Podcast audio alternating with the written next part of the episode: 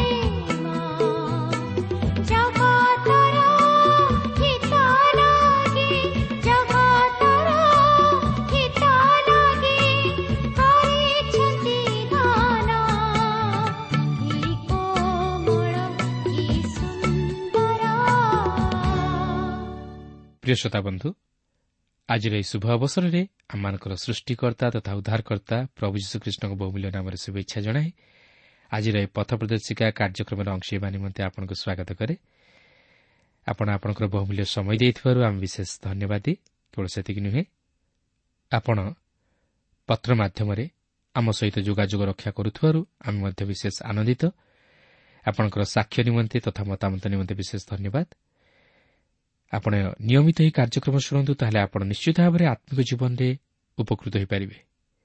ଓ ସେହି ପ୍ରଭୁ ଯୀଶୁ ଆପଣଙ୍କୁ ତାହାଙ୍କର ଶାନ୍ତି ଓ ଆନନ୍ଦରେ ପରିପୂର୍ଣ୍ଣ କରିବେ। ଆସନ୍ତାରେ ପ୍ରଭୁଙ୍କର ବାକ୍ୟ ମଧ୍ୟକୁ ଯିବା ପୂର୍ବରୁ ସଂକ୍ଷେପରେ ପ୍ରାର୍ଥନା କରିବା। ପ୍ରିୟ ପବିତ୍ର ପ୍ରଭୁ ତୁମର ପବିତ୍ର ନାମର ଧନ୍ୟବାଦ କରୁଅଛି ସୁନ୍ଦର ସହଭାଗିତା ପାଇଁ ସୁନ୍ଦର ସୁଯୋଗ ପାଇଁ। ହଁ ପ୍ରଭୁ ଜଗତର ସମସ୍ତ ବ୍ୟସ୍ତତା ମଧ୍ୟରୁ ତୁମେ ଆମମାନଙ୍କୁ କଢ଼ାଇ ଆଣିଅଛ କିଛି ସମୟ ଧରି। ତୁମର ବାକ୍ୟ ମଧ୍ୟ ଦେଇ ତୁମର ସ୍ୱର ଶୁଣିବା ପାଇଁ।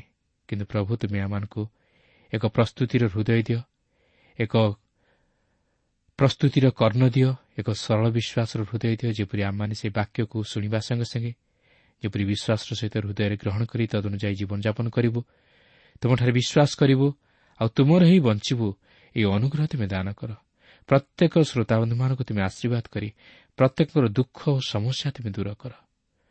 ପ୍ରତ୍ୟେକଙ୍କୁ ତୁମର ସେହି ଶାନ୍ତି ଆନନ୍ଦରେ ପରିପୂର୍ଣ୍ଣ କର। ଯୀଶୁଙ୍କ ନାମରେ ମାଗୁଅଛୁ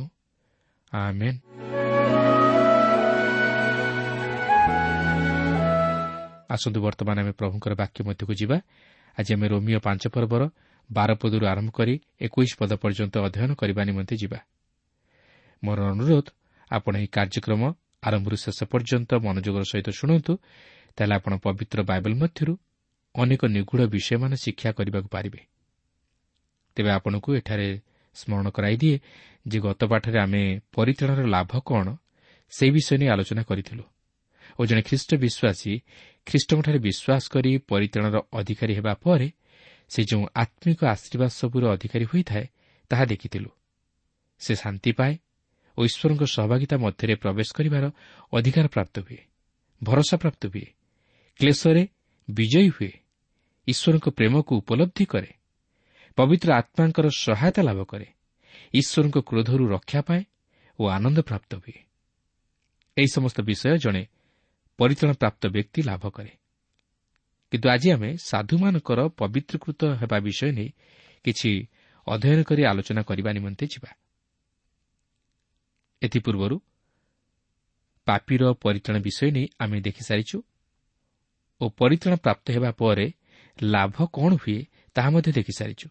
କିନ୍ତୁ ବର୍ତ୍ତମାନ ଆମେ ସାଧୁ ବ୍ୟକ୍ତିର ପବିତ୍ରୀକରଣ ବିଷୟ ନେଇ କିଛି ଆଲୋଚନା କରିବାକୁ ଯିବା।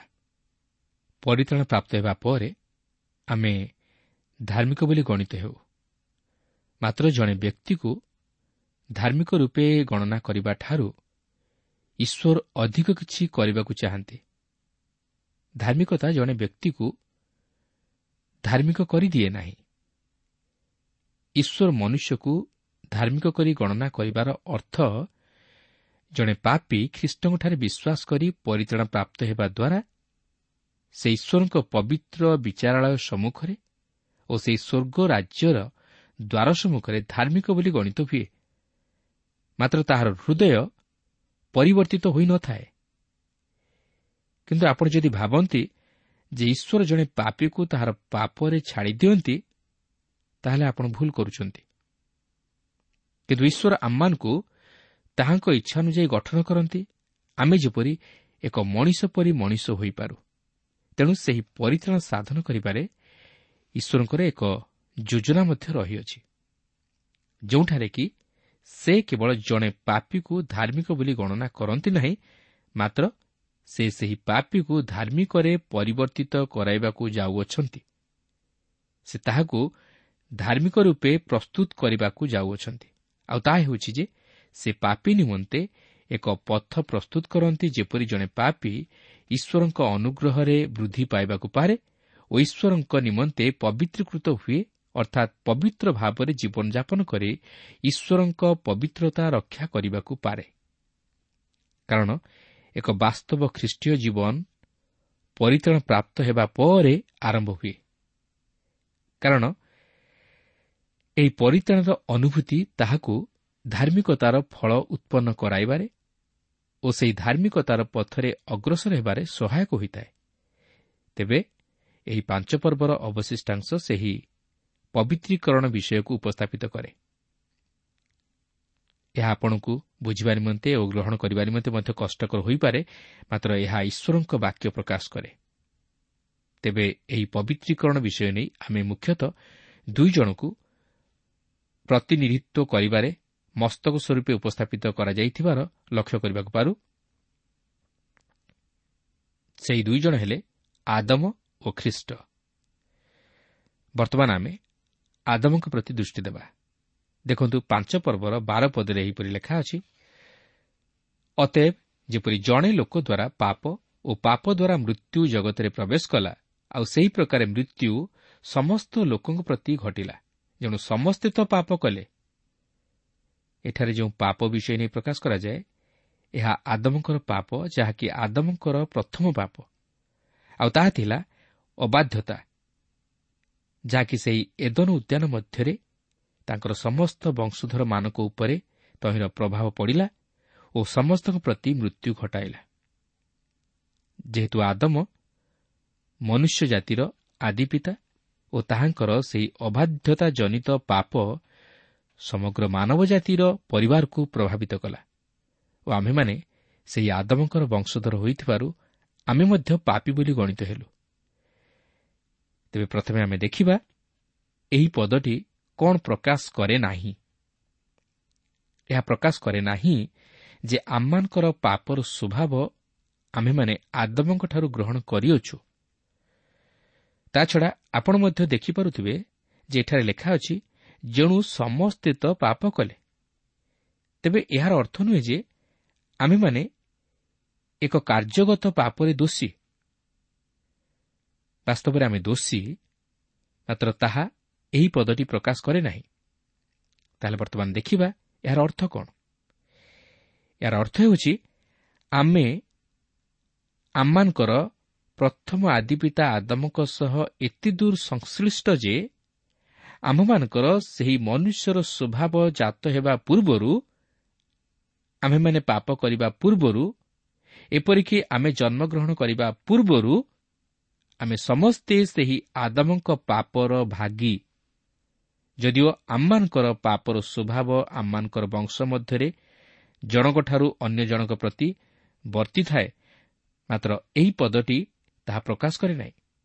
କିନ୍ତୁ ଏହା ପ୍ରକାଶ କରେ ଯେ ଆମେମାନେ ଆଦମଙ୍କ ପାପ ଲାଗି ପାପି ବୋଲି ଗଣିତ ହେଉ କାରଣ ସେହି ଆଦମଙ୍କ ପାପ ଆମମାନଙ୍କ ପ୍ରତି ବର୍ତ୍ତି ଅଛି। ଆଦମ ଯାହା କଲେ ଆମେ ମଧ୍ୟ ତାହା କରୁ।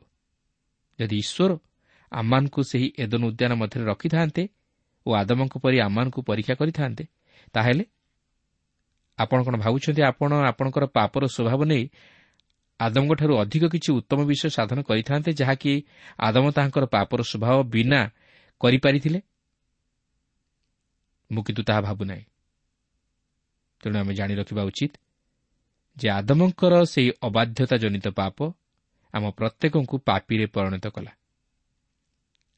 ଆମେ ଏଥିପୂର୍ବରୁ ଦେଖିସାରିଛୁ ଯେ ଖ୍ରୀଷ୍ଟଙ୍କର ମୃତ୍ୟୁରେ ତାଙ୍କର ଧାର୍ମିକତା ଆମମାନଙ୍କ ପ୍ରତି ବର୍ତ୍ତି ଅଛି କାରଣ ଖ୍ରୀଷ୍ଟ ଏକ ନୂତନ ଜାତିର ମସ୍ତକ ଏକ ନୂତନ ଉଦ୍ଧାରପ୍ରାପ୍ତ ମନୁଷ୍ୟର ମସ୍ତକ ଓ ତାହାଙ୍କ ମଣ୍ଡଳୀ ରୂପ ଶରୀରର ମସ୍ତକ ଯାହାକି ଏକ ନୂତନ ସୃଷ୍ଟି। ମଣ୍ଡଳୀ ହେଉଛି ଏକ ନୂତନ ସୃଷ୍ଟି ଓ ଏକ ନୂତନ ଜାତି। ଏହି ବିଷୟ ନେଇ ପାଉଲ ମଧ୍ୟ ଏହିପରି କହନ୍ତି। ଏହିପରି ମଧ୍ୟ ଲେଖା ଅଛି ପ୍ରଥମ ମନୁଷ୍ୟ ଆଦମ ଜୀବିତ ପ୍ରାଣୀ ହେଲେ ଶେଷ ଆଦମ ଜୀବନଦାୟକ ଆତ୍ମା ହେଲେ। ପ୍ରଥମ ମନୁଷ୍ୟ ପାର୍ଥିବ ମୃତ୍ତିକାରେ ନିର୍ମିତ। ଦ୍ୱିତୀୟ ମନୁଷ୍ୟ ସ୍ୱର୍ଗରୁ ଆଗତ। ପ୍ରଭୁ ଯୀଶୁଖ୍ରୀଷ୍ଟ ହେଉଛନ୍ତି ଶେଷ ଆଦମ। ସେ ଏକ ନୂତନ ଜାତିର ମସ୍ତକ ସ୍ୱରୂପ ହେଲେ ଯେଉଁମାନେ ଆତ୍ମିକ ଜୀବନରେ ନୂତନତ୍ୱ ଲାଭ କଲେ ଓ ଏକ ନୂତନ ଜୀବନ ଯାପନ କଲେ ବା ଖ୍ରୀଷ୍ଟଙ୍କଠାରେ ବିଶ୍ୱାସ କରି ବିଶ୍ୱାସମୂଳକ ଧାର୍ମିକତା ପ୍ରାପ୍ତ ହେଲେ ସେହି ନୂତନ ବଂଶଧରଙ୍କର ସେ ମସ୍ତକ ସ୍ୱରୂପ ହେଲେ। ଯେପରି ପ୍ରଥମ ଆଦମଙ୍କ ଲାଗି ସମସ୍ତେ ମୃତ୍ୟୁବରଣ କଲେ ସେହିପରି ଶେଷ ଆଦମ ଅର୍ଥାତ୍ ଖ୍ରୀଷ୍ଟଙ୍କ ହେତୁ ଅନେକ ସଜୀବ ହେବେ। କାରଣ ପ୍ରଥମ କରିଥିବ ପନ୍ଦର ପର୍ବର ଏକୋଇଶ ବାଇଶ ପଦରେ ଏହିପରି ଲେଖା ଅଛି କାରଣ ମନୁଷ୍ୟ ଦ୍ୱାରା ମୃତ୍ୟୁ ଉପସ୍ଥିତ ହୋଇଥିବାରୁ ମନୁଷ୍ୟ ଦ୍ୱାରା ମଧ୍ୟ ମୃତମାନଙ୍କର ପୁନରୁତ୍ଥାନ ଉପସ୍ଥିତ ହୋଇଅଛି। ତେଣୁ ଆଦମ ଦ୍ୱାରା ଯେପରି ସମସ୍ତେ ମୃତ୍ୟୁଭୋଗ କରନ୍ତି ସେହିପରି ମଧ୍ୟ ଖ୍ରୀଷ୍ଟଙ୍କ ଦ୍ୱାରା ସମସ୍ତେ ସଜୀବ ହେବେ। ବାସ୍ତବରେ ଆଦମଙ୍କ ଦ୍ୱାରା ମୃତ୍ୟୁ ଜଗତରେ ପ୍ରବେଶ କଲା। କିନ୍ତୁ ଯଦି ଆପଣ ପ୍ରମାଣ କରିବାକୁ ଚାହାନ୍ତି ଯେ ଆଦମଙ୍କର ପ୍ରଥମ ପାପ ଏକ ପ୍ରତିନିଧିତ୍ୱର କାର୍ଯ୍ୟ ଥିଲା ତାହେଲେ ଚିନ୍ତା କରନ୍ତୁ। କାହିଁକି ଏକ ଶିଶୁ ସନ୍ତାନ ବା ଛୋଟ ଶିଶୁ କୌଣସି ପାପ ନ କରିବା ସତ୍ତ୍ୱେ ମୃତ୍ୟୁବରଣ କରେ। ଏହାର କାରଣ ହେଉଛି ଯେ ସେହି ଶିଶୁ ସନ୍ତାନ ଆଦମଙ୍କ ବଂଶଧର। ଆଉ ଆଦମଙ୍କ ହେତୁ ସମସ୍ତେ ମୃତ୍ୟୁବରଣ କଲେ। ଆପଣ ଦେଖନ୍ତୁ ଈଶ୍ୱର ମନୁଷ୍ୟକୁ ମରିବା ନିମନ୍ତେ ସୃଷ୍ଟି କରିନଥିଲେ। ମାତ୍ର ଈଶ୍ୱର ମନୁଷ୍ୟକୁ ଏକ ମହତ ଉଦ୍ଦେଶ୍ୟ ନେଇ ସୃଷ୍ଟି କରିଥିଲେ। ଓ ସେ ଆଜି ବି ମଧ୍ୟ ତାହା ମନୁଷ୍ୟମାନଙ୍କ ପ୍ରତି ସାଧନ କରିବାକୁ ଚାହାନ୍ତି। ସେ ସେମାନଙ୍କୁ ସେହି ଅନନ୍ତ ଜୀବନ ଦେବାକୁ ଚାହାନ୍ତି। ବର୍ତ୍ତମାନ ସେହି ଚିନ୍ତାଧାରାକୁ ମନ ମଧ୍ୟରେ ରଖି ଆମେ ଏହାର ପରବର୍ତ୍ତୀ ଅଂଶକୁ ଯିବା। ଦେଖନ୍ତୁ ପାଞ୍ଚ ପର୍ବର ତେର ପଦରେ ଏହିପରି ଲେଖା ଅଛି କାରଣ ବ୍ୟବସ୍ଥା ପର୍ଯ୍ୟନ୍ତ ପାପ ଜଗତରେ ଥିଲା କିନ୍ତୁ ବ୍ୟବସ୍ଥା ନଥିଲେ ପାପ ଗଣାଯାଏ ନାହିଁ। ଦେଖନ୍ତୁ ଆଦମଙ୍କଠାରୁ ମୂଷାଙ୍କ ପର୍ଯ୍ୟନ୍ତ ପାପ ଜଗତରେ ଥିଲା। ମାତ୍ର ସେହି ସମୟରେ ପାପ ପାପ ରୂପେ ଗଣାଯାଉନଥିଲା। ମାତ୍ର ଏହାକୁ ଈଶ୍ୱରଙ୍କର ବିଦ୍ରୋହାଚରଣ କାର୍ଯ୍ୟ ବୋଲି ଧରାଯାଉଥିଲା। ତେଣୁକରି ମୁଁ ଭାବେ ଯେ ଏହି କାରଣରୁ ଈଶ୍ୱର କଇନକୁ ମୃତ୍ୟୁଦଣ୍ଡ ଦେବାକୁ ଚାହିଁନଥିଲେ ଯେତେବେଳେ କି ସେ ତାହାର ଭାଇ ହେବଲକୁ ବଧ କରିଥିଲା। କାରଣ ସେହି ସମୟରେ ଈଶ୍ୱର ନରହତ୍ୟା କରିବ ନାହିଁ ବୋଲି ବ୍ୟବସ୍ଥା ପ୍ରଦାନ କରିନଥିଲେ ପ୍ରକୃତରେ ଈଶ୍ୱର କଇନକୁ ରକ୍ଷା କରିବା ନିମନ୍ତେ ତାହାର ମସ୍ତକରେ ଏକ ଚିହ୍ନ ପ୍ରଦାନ କରିଥିଲେ। କିନ୍ତୁ ଆପଣ ଏହାର କିଛି କାଳ ପରେ ଆଉ ଏକ ଘଟଣାରେ ଲକ୍ଷ୍ୟ କରିବାକୁ ପାରିବେ ଯେ କଇନର ପୁତ୍ରମାନଙ୍କ ମଧ୍ୟରୁ ଲେମକ କହନ୍ତି କାହିଁକି ସେ ଜଣେ ମନୁଷ୍ୟକୁ ବଧ କଲେ? ସେ କହନ୍ତି ମୁଁ ଆଘାତର ପରିଶୋଧରେ ଜଣେ ମନୁଷ୍ୟକୁ ଓ ପ୍ରହାରର ପରିଶୋଧରେ ଜଣେ ଯୁବାକୁ ବଧ କରିଅଛି। ଯେବେ କଇନର ବଧର ପ୍ରତିଫଳ ସାତ ଗୁଣ ହୁଏ ତେବେ ଲେମକର ପ୍ରତିଫଳ ସତସ୍ତରୀ ଗୁଣ ନିଶ୍ଚୟ ହେବ। ଆପଣ ଦେଖନ୍ତୁ ଲେମକ ଏପରି କହିବାର ଏକ କାରଣ ଥିଲା। ଏପରିକି ସେହି ବଂଶଧର ଯେଉଁମାନେ କି ସେହି ଜଳପ୍ଲାବନରେ ମୃତ୍ୟୁବରଣ କଲେ ସେମାନେ ପାପରେ ପରିପୂର୍ଣ୍ଣ ଥିଲେ। ସେମାନେ ତହିଁରୁ ଫେରିପାରି ନଥିଲେ। ଆଦି ପୁସ୍ତକ ଛଅ ପର୍ବର ପାଞ୍ଚ ପଦରେ ଏହିପରି ଲେଖା ଅଛି ଅନନ୍ତର ସଦାପ୍ରଭୁ ଦେଖିଲେ ଯେ ପୃଥିବୀରେ ମନୁଷ୍ୟର ଦୁଷ୍ଟତା ଅତି ବଡ଼। ଆଉ ତାହାର ଅନ୍ତଃକରଣର ଭାବନାର ପ୍ରତ୍ୟେକ କଳ୍ପନା ଅବିରତ ମନ୍ଦ ମାତ୍ର। କିନ୍ତୁ ଘଟଣା ହେଉଛି ସେମାନଙ୍କ ମଧ୍ୟରୁ କେହି ହେଲେ ଦଶ ଆଜ୍ଞାକୁ ଲଙ୍ଘନ କରିନଥିଲେ କାରଣ ସେହି ସମୟରେ ଦଶ ଆଜ୍ଞା ପ୍ରଦତ୍ତ ହୋଇନଥିଲା କିନ୍ତୁ ସେମାନେ ବିଚାରିତ ହୋଇଥିଲେ କାରଣ ସେମାନେ ପାପି ଥିଲେ। ତେଣୁ ଏଥିରୁ ଜଣାଯାଏ ଯେ ଯେଉଁ ଲୋକମାନେ ଏପର୍ଯ୍ୟନ୍ତ ସୁଷମାଚାର ଶୁଣି ନାହାନ୍ତି ସେମାନେ ମଧ୍ୟ ବିନାଶ ପ୍ରାପ୍ତ ସେମାନେ କେବେ ହେଲେ ଈଶ୍ୱରଙ୍କ ବିଚାରରୁ ବର୍ତ୍ତି ଯାଇପାରିବେ ନାହିଁ କାରଣ ସମସ୍ତେ ସେହି ବିନାଶପ୍ରାପ୍ତ ବଂଶଧରଙ୍କଠାରୁ ଆସିଅଛନ୍ତି। ଆପଣ ଏହା ଗ୍ରହଣ କରିପାରନ୍ତି ବା ନ କରିପାରନ୍ତି ମାତ୍ର ଆମେ ସମସ୍ତେ ସେହି ବିନାଶପ୍ରାପ୍ତ ବଂଶଧରଙ୍କଠାରୁ ଆସିଅଛୁ। ଆମେ ଉତ୍ତମ ଲୋକ ନୁହଁ ଆମେ ପ୍ରତ୍ୟେକ ଉଦ୍ଧାର ପାଇବା ଆବଶ୍ୟକ କାରଣ ଆମମାନେ ପାପିରେ ଗଣିତ। ଏହାପରେ ପାଞ୍ଚ ପର୍ବର ଚଉଦ ପଦରେ ଲେଖା ଅଛି ତଥାପି ଯେଉଁମାନେ ଆଦମଙ୍କ ଆଜ୍ଞାଲଙ୍ଘନ ସଦୃଶ ପାପ କରି ନ ଥିଲେ ଆଦମଙ୍କଠାରୁ ମୋଷାଙ୍ଗ ପର୍ଯ୍ୟନ୍ତ ସେମାନଙ୍କ ଉପରେ ସୁଦ୍ଧା ମୃତ୍ୟୁ ରାଜତ୍ୱ କରିଥିଲା ଯାହାଙ୍କ ଆଗମନର କଥା ଥିଲା ଆଦମ ତାହାଙ୍କର ପ୍ରତିରୂପ। ପାଉଲଠାରେ ପ୍ରତ୍ୟେକ ବ୍ୟକ୍ତିବିଶେଷଙ୍କ ମୃତ୍ୟୁ ବିଷୟ ପ୍ରକାଶ କରି ଓ ପ୍ରତ୍ୟେକ ଯେ ମୃତ୍ୟୁର ଅଧୀନ ତାହା ସେ ଏଠାରେ ପ୍ରକାଶ କରନ୍ତି। ଏପରିକି ଆଦମଙ୍କ ସମୟଠାରୁ ମୋଷାଙ୍କ ସମୟ ପର୍ଯ୍ୟନ୍ତ ମୃତ୍ୟୁ ପ୍ରତ୍ୟେକଙ୍କ ଉପରେ ରାଜତ୍ୱ କରିଥିଲା। ଯଦିଓ ସେହି ସମୟସୀମା ମଧ୍ୟରେ ମନୁଷ୍ୟ ଦଶ ଆଜ୍ଞାକୁ ଲଙ୍ଘନ କରିନଥିଲା କାରଣ ସେହି ସମୟରେ ମନୁଷ୍ୟ ପ୍ରତି ଦଶ ଆଜ୍ଞା ପ୍ରଦତ୍ତ ହୋଇନଥିଲା ତଥାପି ମନୁଷ୍ୟ ପାପିରେ ଗଣିତ ହେଲା ଓ ମୃତ୍ୟୁର ଅଧୀନ ହେଲା। ଏହାର କାରଣ ହେଉଛି ଯେ ସେ ସେହି ବିନାଶପ୍ରାପ୍ତ ବଂଶଧର ମଧ୍ୟରେ ଜନ୍ମଗ୍ରହଣ କଲା। ତେବେ ପବିତ୍ର ଧର୍ମଶାସ୍ତ୍ର ମଧ୍ୟରେ ମୃତ୍ୟୁକୁ ତିନି ପ୍ରକାର ବିଭକ୍ତ କରାଯାଏ। ପ୍ରଥମତଃ ଶାରୀରିକ ମୃତ୍ୟୁ ଏହା କେବଳ ଶରୀରକୁ ଦର୍ଶାଏ ଅର୍ଥାତ୍ ଶରୀର ମଧ୍ୟରୁ ଆତ୍ମାର ବିଚ୍ଛିନ୍ନତା। ଏହି ମୃତ୍ୟୁ ଆଦମଙ୍କ ପାପ ଲାଗି ମନୁଷ୍ୟ ପ୍ରତି ବର୍ତ୍ତି ଅଛି। ଦ୍ୱିତୀୟତଃ ଆତ୍ମିକ ମୃତ୍ୟୁ ଯାହାକି ଈଶ୍ୱରଙ୍କର ବିଦ୍ରାଚରଣ କରି ମନୁଷ୍ୟ ଈଶ୍ୱରଙ୍କର ସହଭାଗିତା ମଧ୍ୟରୁ ବିଚ୍ଛିନ୍ନ ହୁଏ ଓ ଈଶ୍ୱରଙ୍କଠାରୁ ଦୂରବର୍ତ୍ତୀ ଜୀବନଯାପନ କରେ ଏବଂ ଏହି ସ୍ୱଭାବ ଆମେ ସେହି ଆଦମଙ୍କଠାରୁ ଧାରଣ କରିଅଛୁ। କାରଣ ଏଫିସିଓ ଦୁଇ ପର୍ବର ପ୍ରଥମ ପଦରେ ଲେଖା ଅଛି ଏହି ସଂସାରର ଭାବ ଅନୁସାରେ ପୁଣି ଆକାଶମଣ୍ଡଳ ରାଜ୍ୟର ଅଧିପତି ଅର୍ଥାତ୍ ଯେଉଁ ଆତ୍ମା ଏବେ ହିଁ ଅନାଜ୍ଞାଭ ସନ୍ତାନମାନଙ୍କଠାରେ କାର୍ଯ୍ୟ ସାଧନ କରୁଅଛି ତାହାର ଇଚ୍ଛାନୁସାରେ ତୁମେମାନେ ମଧ୍ୟ ପୂର୍ବରେ ଆଚରଣ କରି ଅପରାଧ ଓ ପାପରେ ମୃତ ଥିଲ। ଏହାପରେ ତୃତୀୟରେ ଅନନ୍ତ ମୃତ୍ୟୁ ଯାହାକି ଅନନ୍ତକାଳ ନିମନ୍ତେ ଈଶ୍ୱରଙ୍କଠାରୁ ବିଚ୍ଛିନ୍ନ ହେବା। ଏବଂ ଯେପର୍ଯ୍ୟନ୍ତ ମନୁଷ୍ୟ ନିଜର ପାପରୁ ଉଦ୍ଧାର ପାଇନାହିଁ ଓ ମୁକ୍ତି ଲାଭ କରିନାହିଁ ସେ ଏହି ମୃତ୍ୟୁର ଅଧୀନ ହୁଏ।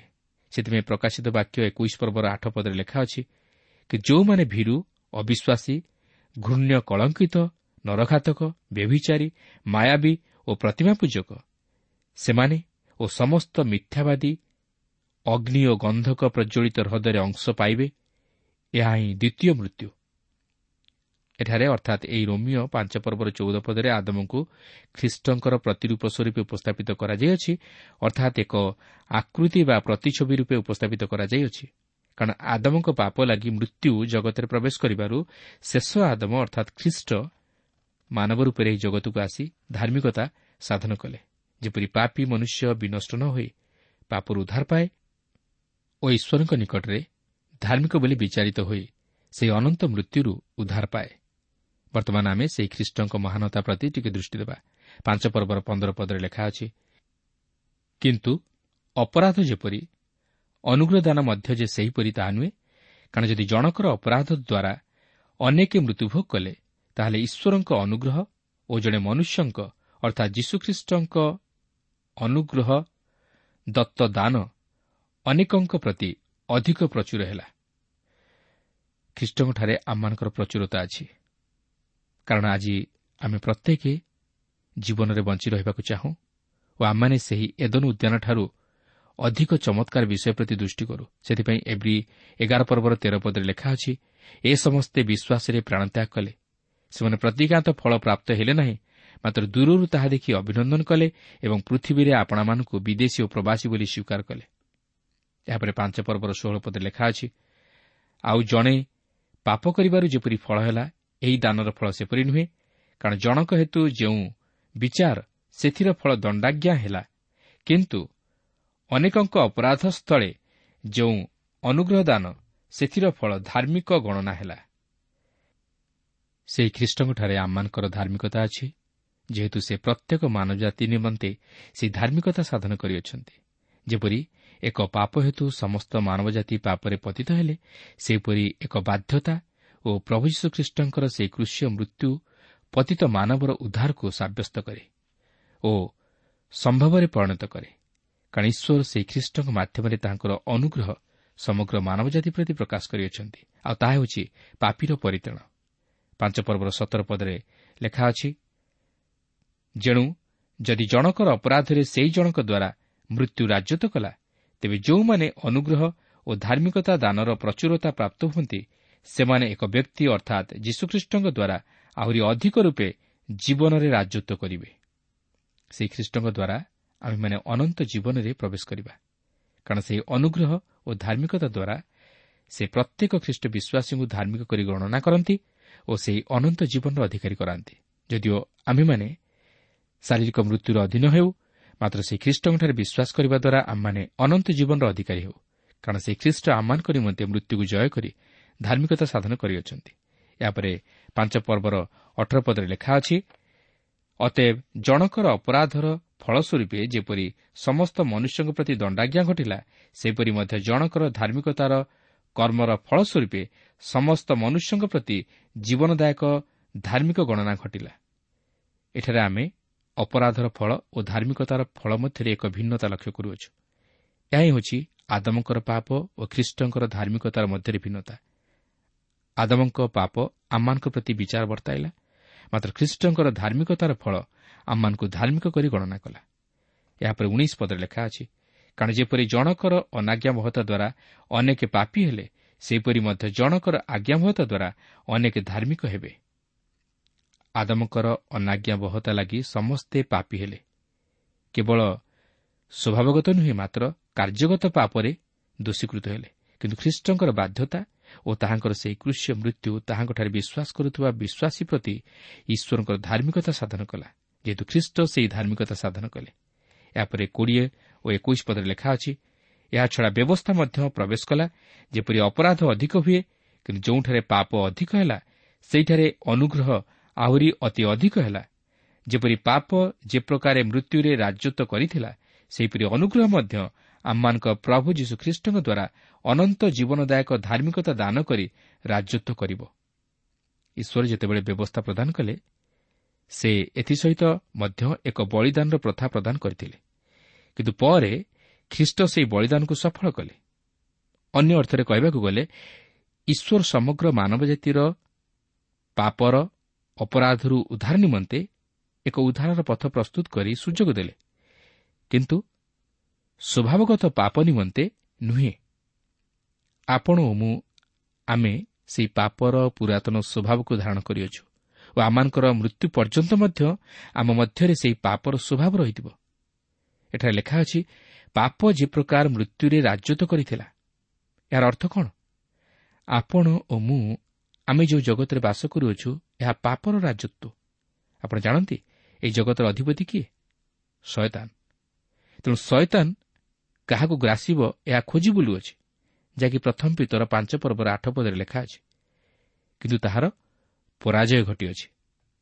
କାରଣ ସେହିପରି ଅନୁଗ୍ରହ ମଧ୍ୟ ଆମମାନଙ୍କ ପ୍ରଭୁ ଯୀଶୁଖ୍ରୀଷ୍ଟଙ୍କ ଦ୍ୱାରା ଅନନ୍ତ ଜୀବନଦାୟକ ଧାର୍ମିକତା ଦାନ କରି ରାଜତ୍ୱ କରିବ। ଆଜି ସେହି ପ୍ରଭୁ ଯୀଶୁଖ୍ରୀଷ୍ଟ ତାଙ୍କର ଲୋକମାନଙ୍କୁ ଆହ୍ୱାନ କରୁଅଛନ୍ତି ଯେପରି ସେମାନେ ସେମାନଙ୍କର ବିପଦ ଗମନରୁ ଫେରନ୍ତି ଓ ତାହାଙ୍କଠାରେ ବିଶ୍ୱାସ କରି ପାପରୁ ଉଦ୍ଧାର ପାଇ ପରିତ୍ରାଣର ଅଧିକାରୀ ହୁଅନ୍ତି। ଈଶ୍ୱର ଆଜି ମଧ୍ୟ ପତିତ ମାନବ ଜାତି ପ୍ରତି ସେହି ପରିତ୍ରାଣ ପ୍ରଦାନ କରିଅଛନ୍ତି। ଯେପରି ପାପରେ ପତିତ ମନୁଷ୍ୟ ସେହି ଖ୍ରୀଷ୍ଟଙ୍କଠାରେ ବିଶ୍ୱାସ କରି ଓ ତାହାଙ୍କୁ ଉଦ୍ଧାରକର୍ତ୍ତା ରୂପେ ଗ୍ରହଣ କରି ପାପରୁ ଉଦ୍ଧାର ପାଇବା ସଙ୍ଗେ ସଙ୍ଗେ ସେହି ପରିତ୍ରାଣର ଅଧିକାରୀ ହୁଏ ଓ ସେହି ଅନନ୍ତ ଜୀବନର ଅଧିକାରୀ ହୁଏ। ତେଣୁ ଆସୁ ସେହି ଅନନ୍ତ ଜୀବନର ଅଧିକାରୀ ହେବା ନିମନ୍ତେ ଖ୍ରୀଷ୍ଟଙ୍କର ନିକଟବର୍ତ୍ତୀ ହେଉ ଓ ତାହାଙ୍କଠାରେ ବିଶ୍ୱାସ କରୁ। ତେବେ ଆଜି ପାଇଁ ଏହିଠାରେ ଏହି କାର୍ଯ୍ୟକ୍ରମ ରଖିବା ଈଶ୍ୱର ଆମ ପ୍ରତ୍ୟେକଙ୍କୁ ଆଶୀର୍ବାଦ କରନ୍ତୁ।